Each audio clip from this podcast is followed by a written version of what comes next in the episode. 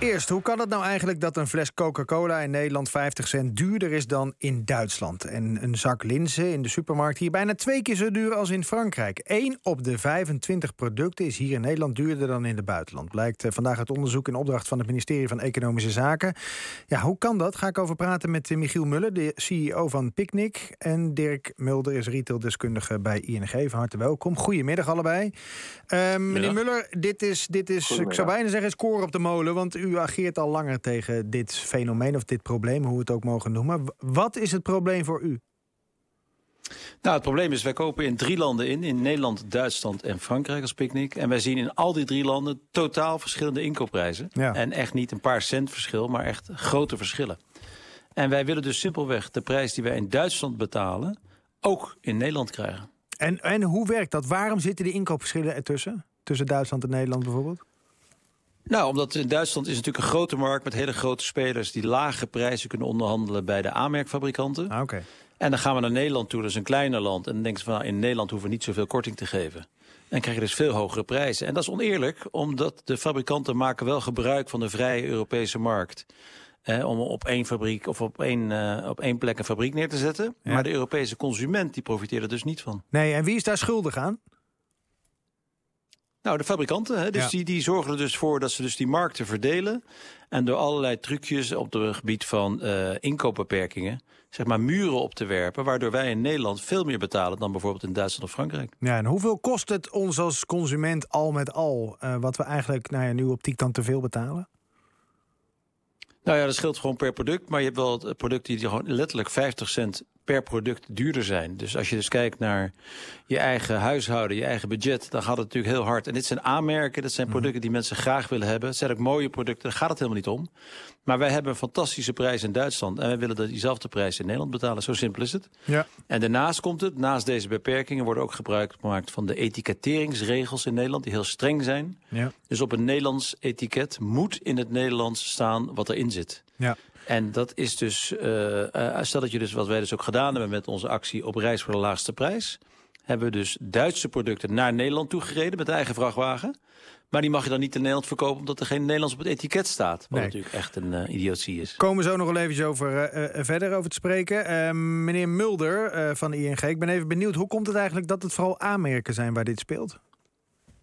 Ja, dat zijn uh, aanmerken worden natuurlijk voornamelijk gemaakt door uh, de grote internationale uh, organisaties die inderdaad inkoopkantoren hebben of verkoopkantoren in elk land. En die roepen al heel snel, ja, er zit verschil in marktomstandigheden, belastingtarieven, distributiekosten en lokale regelgeving. Ja, uh, maar ik eh, ben het wel uh, met Michiel eens dat, ja, dat dat een, een, een, een beetje vreemde situatie is. Ja, maar je ontkomt er natuurlijk niet aan dat bijvoorbeeld Duitsland een grotere afzetmarkt is dan Nederland, toch, meneer Mulder? Dus in dat opzicht krijg je het, ja, hou je altijd een vorm van ongelijkheid, zo je wil. Eh, dat klopt. Uh, Duitse supermarkten kopen op grotere schaal in. Dat, daarom zie je ook dat uh, steeds meer Nederlandse supermarktketens zich aansluiten bij uh, Europese inkoopcombinaties. Mhm. Maar het is ook anders gebeurd. Dat, het, het, meest bekende voorbeeld is dat Albert Heijn producten van AB InBev, dus biermerk, wat ze inkochten in Nederland via een supermarkt in België wilden verkopen. Daar zat dus ook datzelfde uh, inkoopprijsverschil in. Maar uh, ja, dat is door de fabrikant uh, onmogelijk gemaakt. Ehm, ja, om, omdat ze, ze zijn met andere uh, hoeveelheden gaan komen, uh, andere etikettering. O, overigens zie ik wel uh, wat Michiel zegt met die etikettering. Ik vind wel dat er zeg maar in Nederland een Nederlands etiket op moet staan. Dat consumenten moeten kunnen lezen wat, wat erop staat en ah, wat erin zit, et cetera, et cetera. Ja. Over die etikettering gesproken, want daar hebben we het nu allebei over. de missionair minister Adriaansens van Economische Zaken en Klimaat reageerde vanmorgen op deze zender ook op, op het onderzoek wat is uitgevoerd en die zei dit. We gaan kijken of we met meer landen een vuist kunnen maken in Europa... om te zorgen dat er een verbod komt op dit soort inkoopbeperkingen. En de andere uh, maatregel die ik zou willen treffen... is dat je iets uh, makkelijker omgaat met die etiketeisen. Misschien bijvoorbeeld met een QR-code. Ja, meneer Mulder, uh, iets makkelijker daarmee omgaan. Maar ik hoor u net zeggen van nee, ik vind het wel degelijk belangrijk dat het in het Nederlands erop staat. Mag dat ook via een QR-code? Ja, QR-code. Ja, ik, ik, ik vraag me af of het dan voor iedereen uh, even toegankelijk is. Uh, kijk, QR-code maakt het inderdaad mogelijk om bepaalde informatie naar voren te brengen. Mhm. Volgens mij uh, doet uh, Picnic dat ook door informatie op de site weer te geven. Dus daar kan de consument het ook teruglezen. Um, alleen ja, het, het, het, blijkt iedere keer weer dat er toch een, een, een, deel van de consumenten is die, die ja, daar niet in mee kan gaan. En ik vind wel dat die ook uh, die etiketten moeten kunnen lezen. Ja, dus, dus het moet in Nederlands twee... erop staan, meneer Muller? Nee, kijk, het zijn twee losse dingen. Er zijn echt twee dingen onderzocht, ook door het ministerie. Eén is dus die, uh, die inkoopmuren. Het is al geregeld uh, voor de consumenten. Dus als jij naar, als consument naar de website gaat van uh, Zara in Spanje... dan kun je daar tegen de Zara Spanje prijzen kun je mode kopen.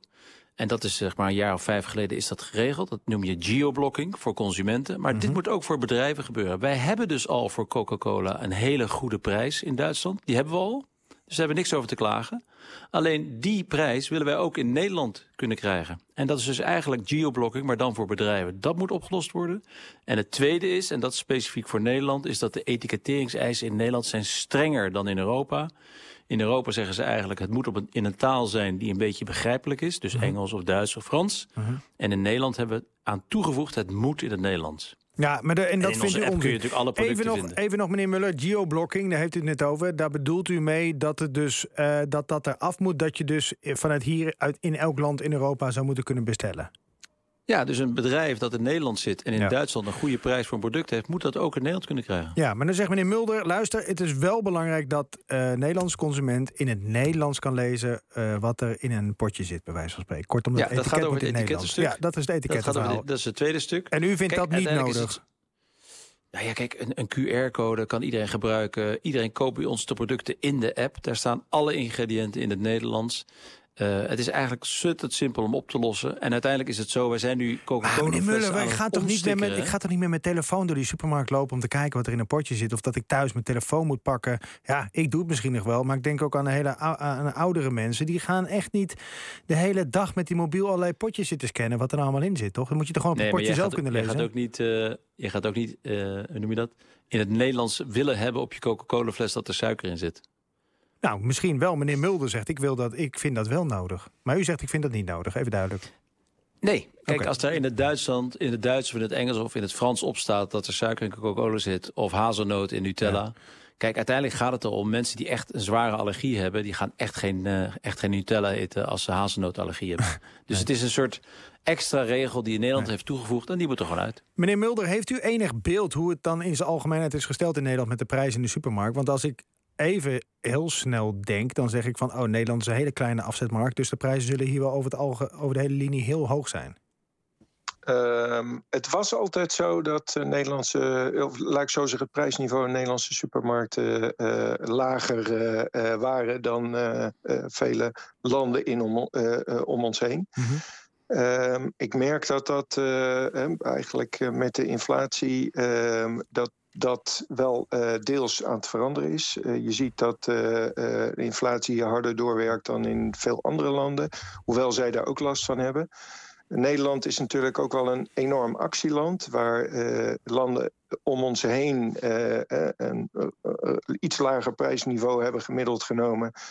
maar de acties ook minder diep zijn, zie je dat Nederlanders heel erg gedreven worden door acties. Oh, reclames dus bedoelt u, in de aanbieding?